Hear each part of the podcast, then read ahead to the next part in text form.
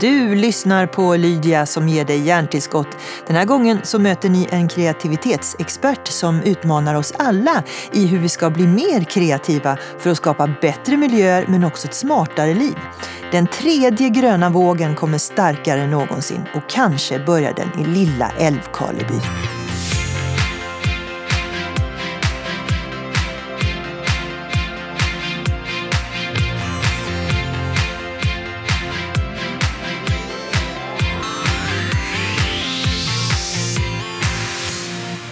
Theo, välkommen till eh, den här podden.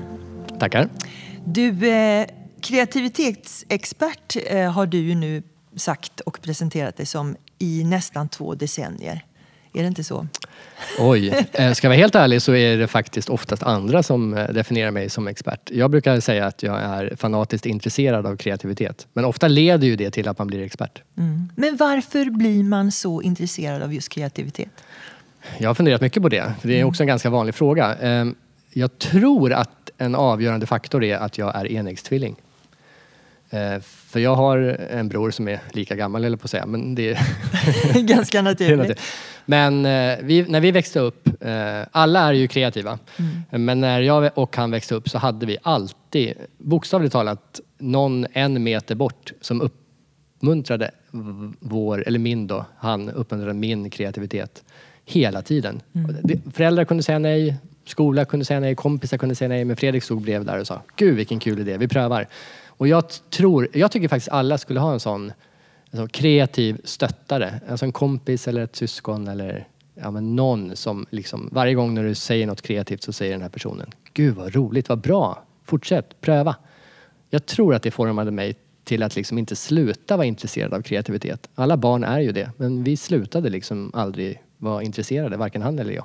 Säger han likadant om dig tror du? Eh, Vi har inte pratat om det här. Jag får ringa honom och kolla. Jag hoppas det. Tänk om han Så bara, du- nej du hindrar min kreativitet. Så du pratar om kreativitet om din bror för första gången med mig. Det är ju ja, fantastiskt. Visst. Ja, men det, det har jag faktiskt eh, missat helt. Kul. Ja, det ska jag göra. Mm. Hur definierar du kreativitet? Jag är väldigt glad att du börjar med det.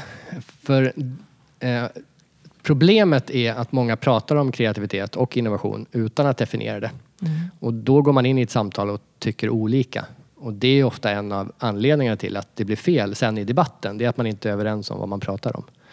Eh, jag definierar det olika beroende på vilka jag möter. Alltså, till exempel är det så att vården har visat sig de senaste bara tre åren vara jätteintresserad av kreativitet. Och där får man vara lite försiktig för att de har ju en tradition av att allt, eller det de gör är på liv och död. Och då måste man vara väldigt tydlig med att kreativitet inte handlar om att genomföra saker utan bara tänka ut hur man skulle kunna göra. Och då kan de slappna av för att då förstår de att ja, men det här har ju ingenting med vad vi ska göra att göra utan det här handlar ju om att tänka ut hur vi skulle kunna göra. Och då slappnar de av. Sen när man pratar med reklamare till exempel, då får man definiera det ofta lite hårdare. Lite tydligare, lite smalare, nästan beroende på om de är ADs eller copywriters.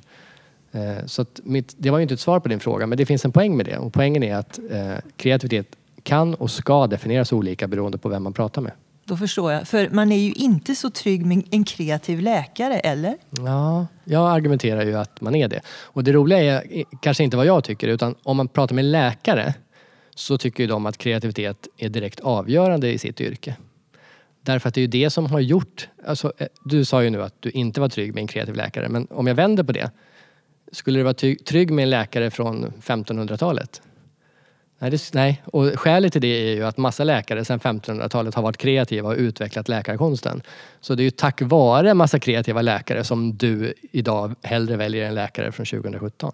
Men finns det någon kulturell skillnad i världen när det gäller begreppet eh, kreativitet? Finns det några som är sämre eller bättre på det? Ja, återigen en bra fråga tycker jag. För att eh, sämre eller bättre beror ju då på hur vi definierar kreativitet. Ja, vi har haft kontor i eh, Kina i tre år. Vi har haft kontor i eh, Zimbabwe i två år. Vi har haft kontor i Singapore i nio år och i Stockholm då sen vi började. Och låt mig bara ta, jag kan ta Zimbabwe som ett exempel.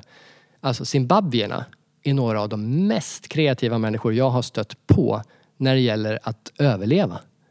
Att hitta egna lösningar, att inte lita på att staten löser allt, för det finns ingen stat. Och jag som svensk, och jag tror de flesta svenskar skulle känna igen sig i det här. När jag hamnade i Zimbabwe så blev jag helt handfallen. Alltså jag hade svårt att agera för jag tyckte att samhället inte fungerade. Så om du definierar kreativitet som förmågan att överleva i en stat utan eh, regering eller utan statsapparat så är Zimbabwe ett av världens mest kreativa länder och vi svenskar skulle klara oss jättedåligt om Sverige hamnar i samma sits. Men om du definierar kreativitet som förmågan att hitta på appar eller betallösningar så kommer Sverige jättehögt. Så det beror helt på eh, vilken definition du använder. Men din första fråga i den här frågan var ju vilken kultur det finns. Och den är precis lika intressant. Det finns så många intressanta frågor här kan jag avgör, avslöja.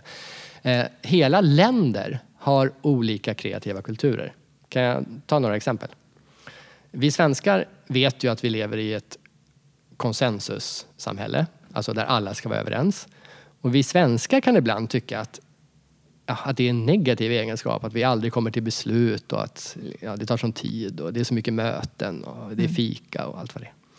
När man kommer utomlands och möter människor i Frankrike eller i Polen eller USA som har träffat svenskar, då lyfter ju de fram våra fikapauser och våra konsensuskultur som ett kreativt verktyg. De bara, åh, vad skönt att det är en svensk här så att vi verkligen kan sitta ner och prata om problemet och alla idéer kommer fram. De ser vår konsensuskultur som en kreativ, en, en enda stor brainstorm. Varje svenskt möte är en brainstorm. Och jag kan hålla med. Men vi svenskar ser det sällan så. Så Sverige har en kreativ möteskultur.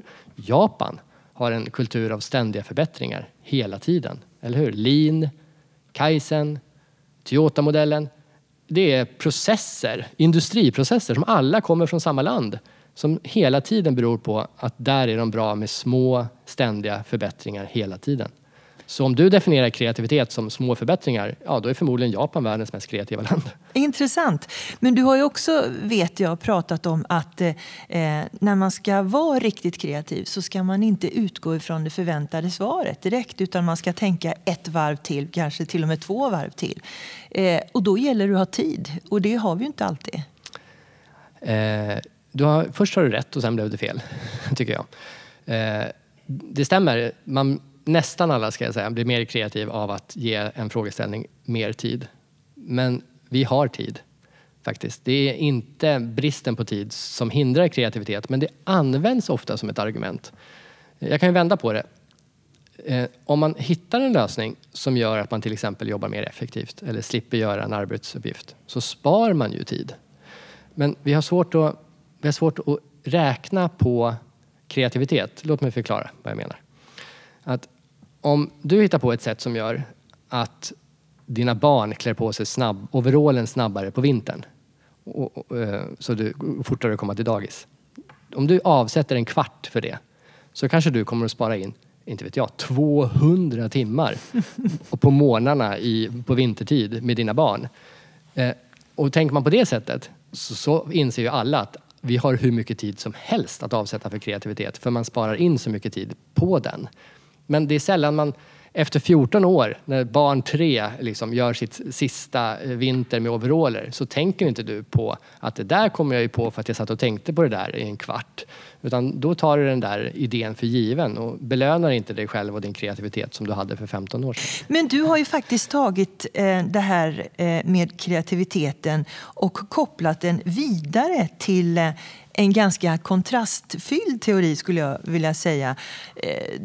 Du är nästan en profet som direkt eh, propagerar motsatsen till urbanisering. Du slår ett slag för landsbygden ja. och har till och med blivit årets lantis, tror Nej, jag. Nej, det stämmer inte. Du vill bli årets lantis? Ja, det vill jag gärna bli. Men berätta, hur, hur går dina tankar där? Ja, eh, nu pratar vi ju kreativitet. Låt mig bara backa lite. Eh, för man, absurt nog så pratas det om kreativa städer. Eller hur? New York, San Francisco, Stockholm, liksom. kreativa Stockholm. Alltså, låt mig vara 100% tydlig här. Det finns inte en enda stad som är kreativ. Alltså Sergels torg har inte hittat på ett enda eh, patent eh, och Slussen har inte skrivit en enda sång. Alltså, det finns människor som använder sin kreativitet i städer. Det finns det. Men det finns inte kreativa städer. Staden som sådan är inte kreativ. Samma... Jag hör nästan ett eh, protestjubel här bland alla lyssnarna. Visst finns det kreativitet i städer? Nej men staden är inte kreativ. Det är människorna i staden. Människorna är, i staden? Ja, människorna i staden är kreativa. Uppmuntrar inte staden till kreativitet? Ja, men då kan man, det kan man säga. Då kan man, och, okej, vi, vi, vänder, du, vi vänder på det. Vi gör det här till ett samtal istället. Eh, på vilket sätt uppmuntrar staden till kreativitet? Ja, jag tänker så här om man är singel då har man lite mer möjlighet att vara kreativ i en, i en, i en stad. I landsbygden är det kanske lite öde, man har inte så mycket att välja på. Eh, kulturen som finns där kan inspirera till massa saker. Ja. Jag försöker vara kärringen motvalls, ja, jag märker det. Ja. Ja, ja. Det är lugnt. Det roliga är ju att vad de flesta får vi säga nu, och inte till 100 procent, men låt oss säga till 95 procent då, av de här argumenten är gamla argument som inte tar in att internet har kommit och ändrat de här sanningarna. För när du säger att det finns fler singlar i, i staden än på landsbygden så får jag hålla med. Men jag vet ju också att när jag var singel och bodde i stan så var jag på spraydate med betydligt mer än vad jag var på krogen. Alltså de dejter jag skaffade, skaffade låter sjukt, hade turen att få, de fick jag på spraydate.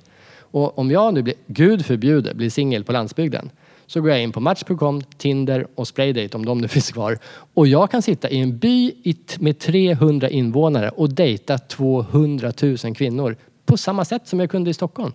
Och när, när man inser den sanningen så kan man säga så här, okej, eh, okay, om man nu tycker att man får nya intryck av att träffa nya människor så vet jag att det går alldeles utmärkt att dejta kvinnor, som var ditt exempel nu då. Eh, på landsbygden. Kultur är för övrigt samma sak.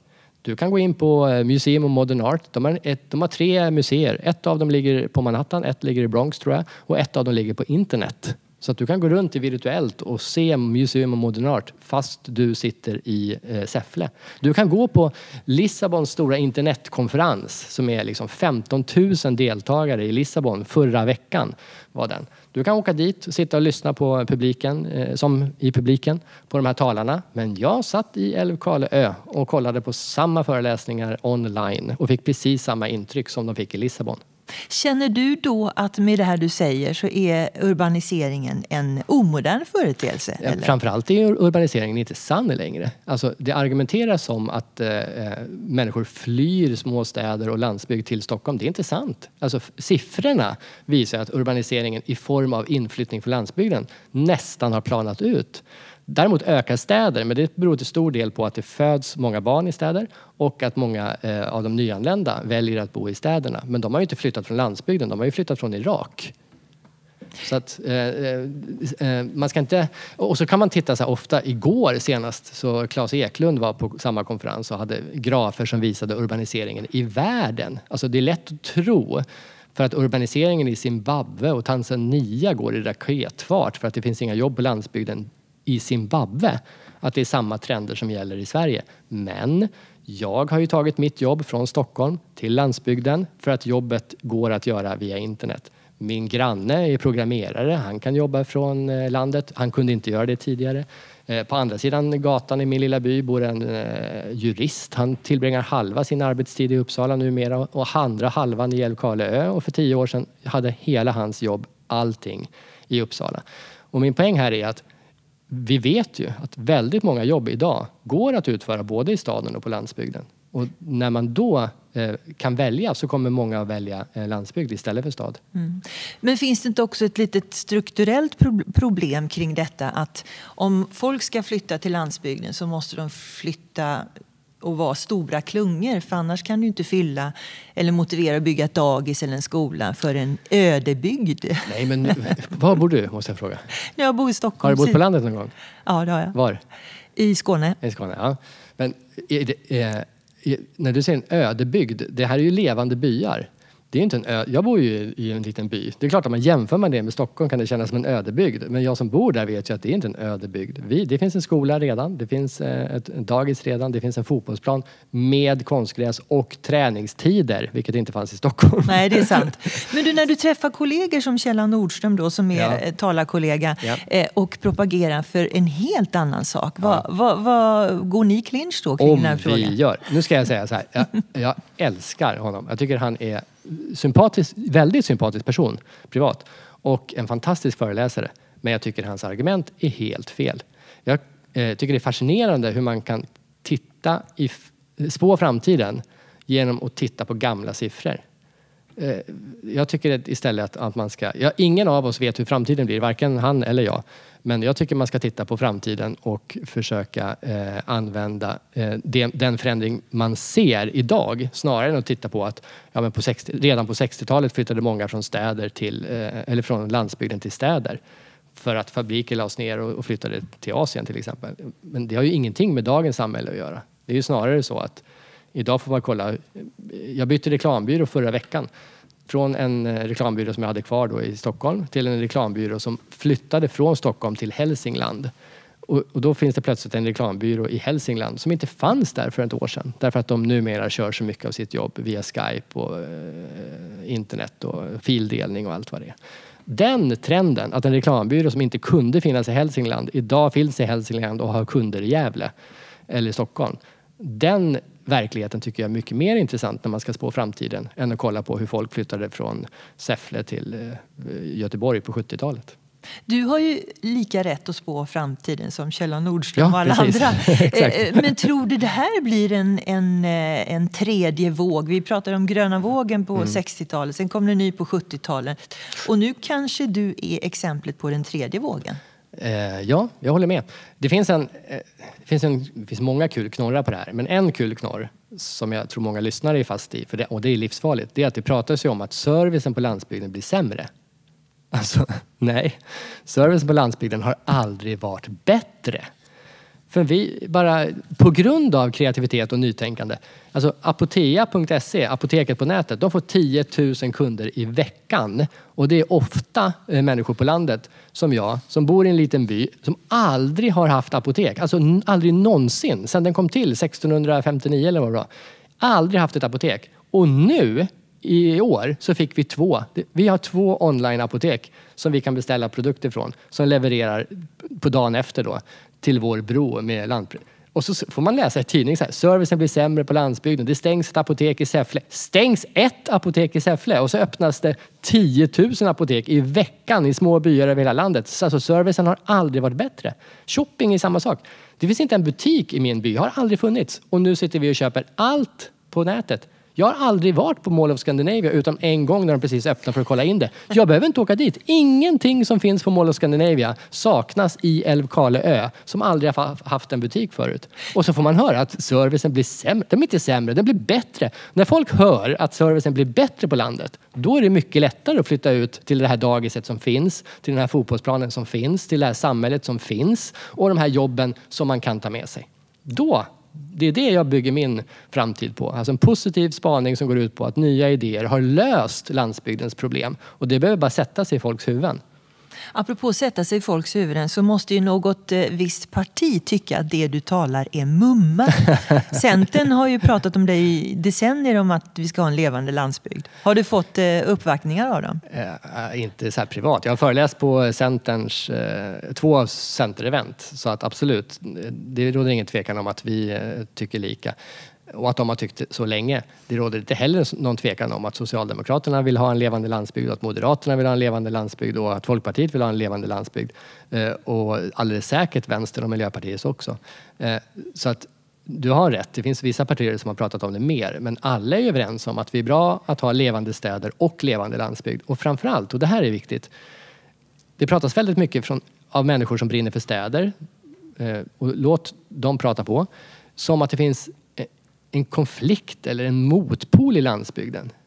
Men samtidigt kan samma människor, privata vänner till mig när jag bodde i Stockholm, där jag alltså har bott i 20 år, privata vänner, åkte ut på landet varje helg. Alltså hundra dagar om året var de på landsbygden på sin sommarstuga och tyckte det var helt fantastiskt. Och så åkte de tillbaka till stan och sen så pratade de om liksom stadens förträfflighet och liksom klyftan mellan stad och land fast de själva var en del av landsbygden hundra dagar om året. Och nu slog det mig här för, för ett tag sedan att nu när jag bor på landet, ingen av mina grannar åker till Stockholm två dagar i veckan varje helg för att det är så stort utbud där.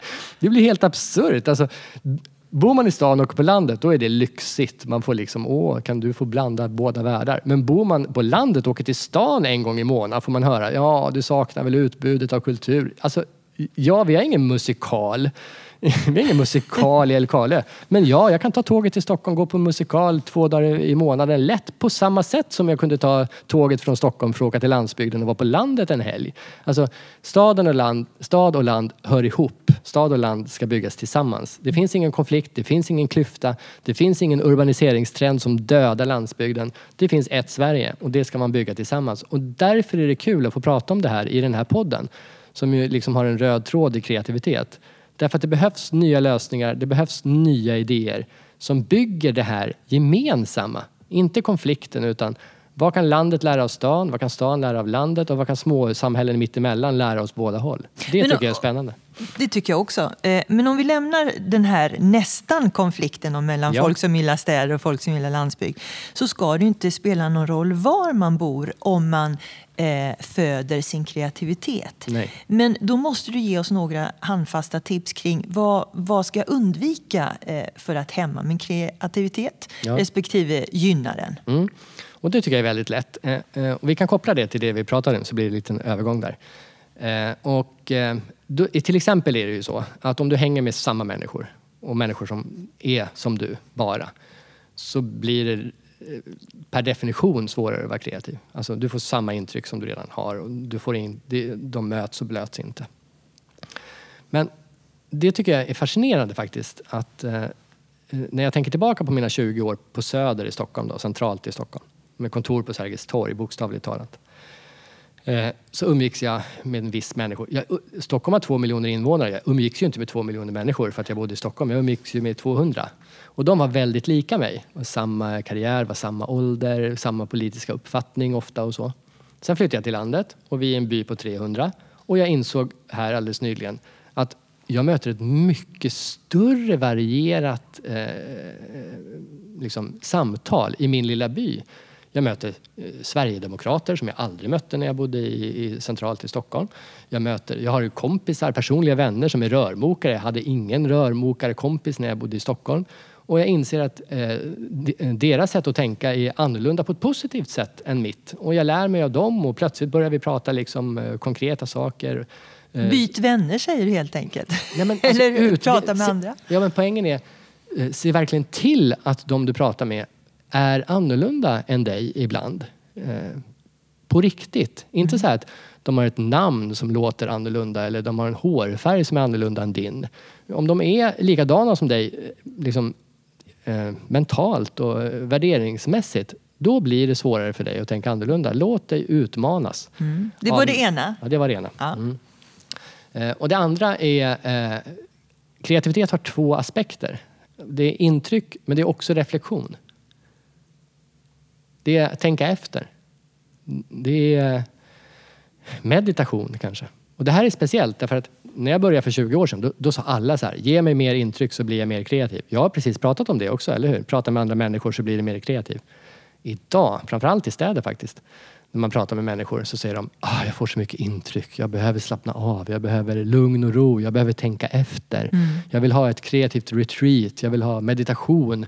Företag i Silicon Valley, Google pratar om eh, att stänga av, in Google som är liksom informationsföretaget nummer ett pratar om att stänga av informationen och istället söka liksom, search inside i en av deras senaste böcker, att meditera. Och, och det pratas det för lite om. Eh, och det tror jag många eller jag vet att många mår bra av. Att avsätta fyra, fem dagar, stänga av telefonen, kanske sitta i naturen och bara tänka efter.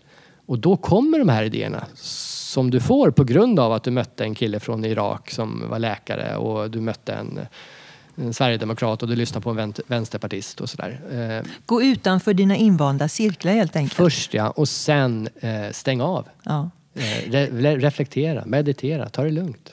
Theo, jag har faktiskt eh, pluggat lite grann här nu innan jag skulle träffa dig på det här med kreativitet ja. och hittade faktorer som hämmar. Och det tycker jag blir en sån här väckarklocka ibland. Får se om du håller med där. Det här ja. är alltså bara saker som du ska göra om du vill döda din kreativitet.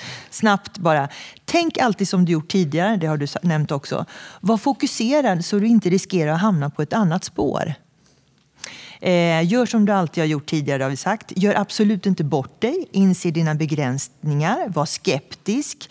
Lyssna bara på experterna. Prova aldrig något du aldrig provat för. Undvik misstag och så vidare. och så vidare. Ja. det handlar ju mycket här om, om... Och sen kommer det här som faktiskt du har sagt flera gånger. Det finns bara ett svar som är rätt. Och tänker man så, då är det första steget rakt ner i kreativitetsgraven. Eller hur? Ja, det var ett kreativt sätt att göra en eh, lista på. Att ja. vända på den. Det, det, har inte jag sett. Jag gillar den. Ja, du kan få låna den av mig. Ja, Men jag måste fråga det som jag tror man funderar på när du pratar om kreativitet, nämligen din egen bästa kreativa idé. Ja, eh, jag har många tycker jag själv. Jag tycker det är kul att vara kreativ. Eh, jag tar... Eh, jag har hittat på en egen sport. Eh, det är inte så många som har det. Den heter Sandminton. Det är, ja. det är en kombination av beachvolleyboll och badminton.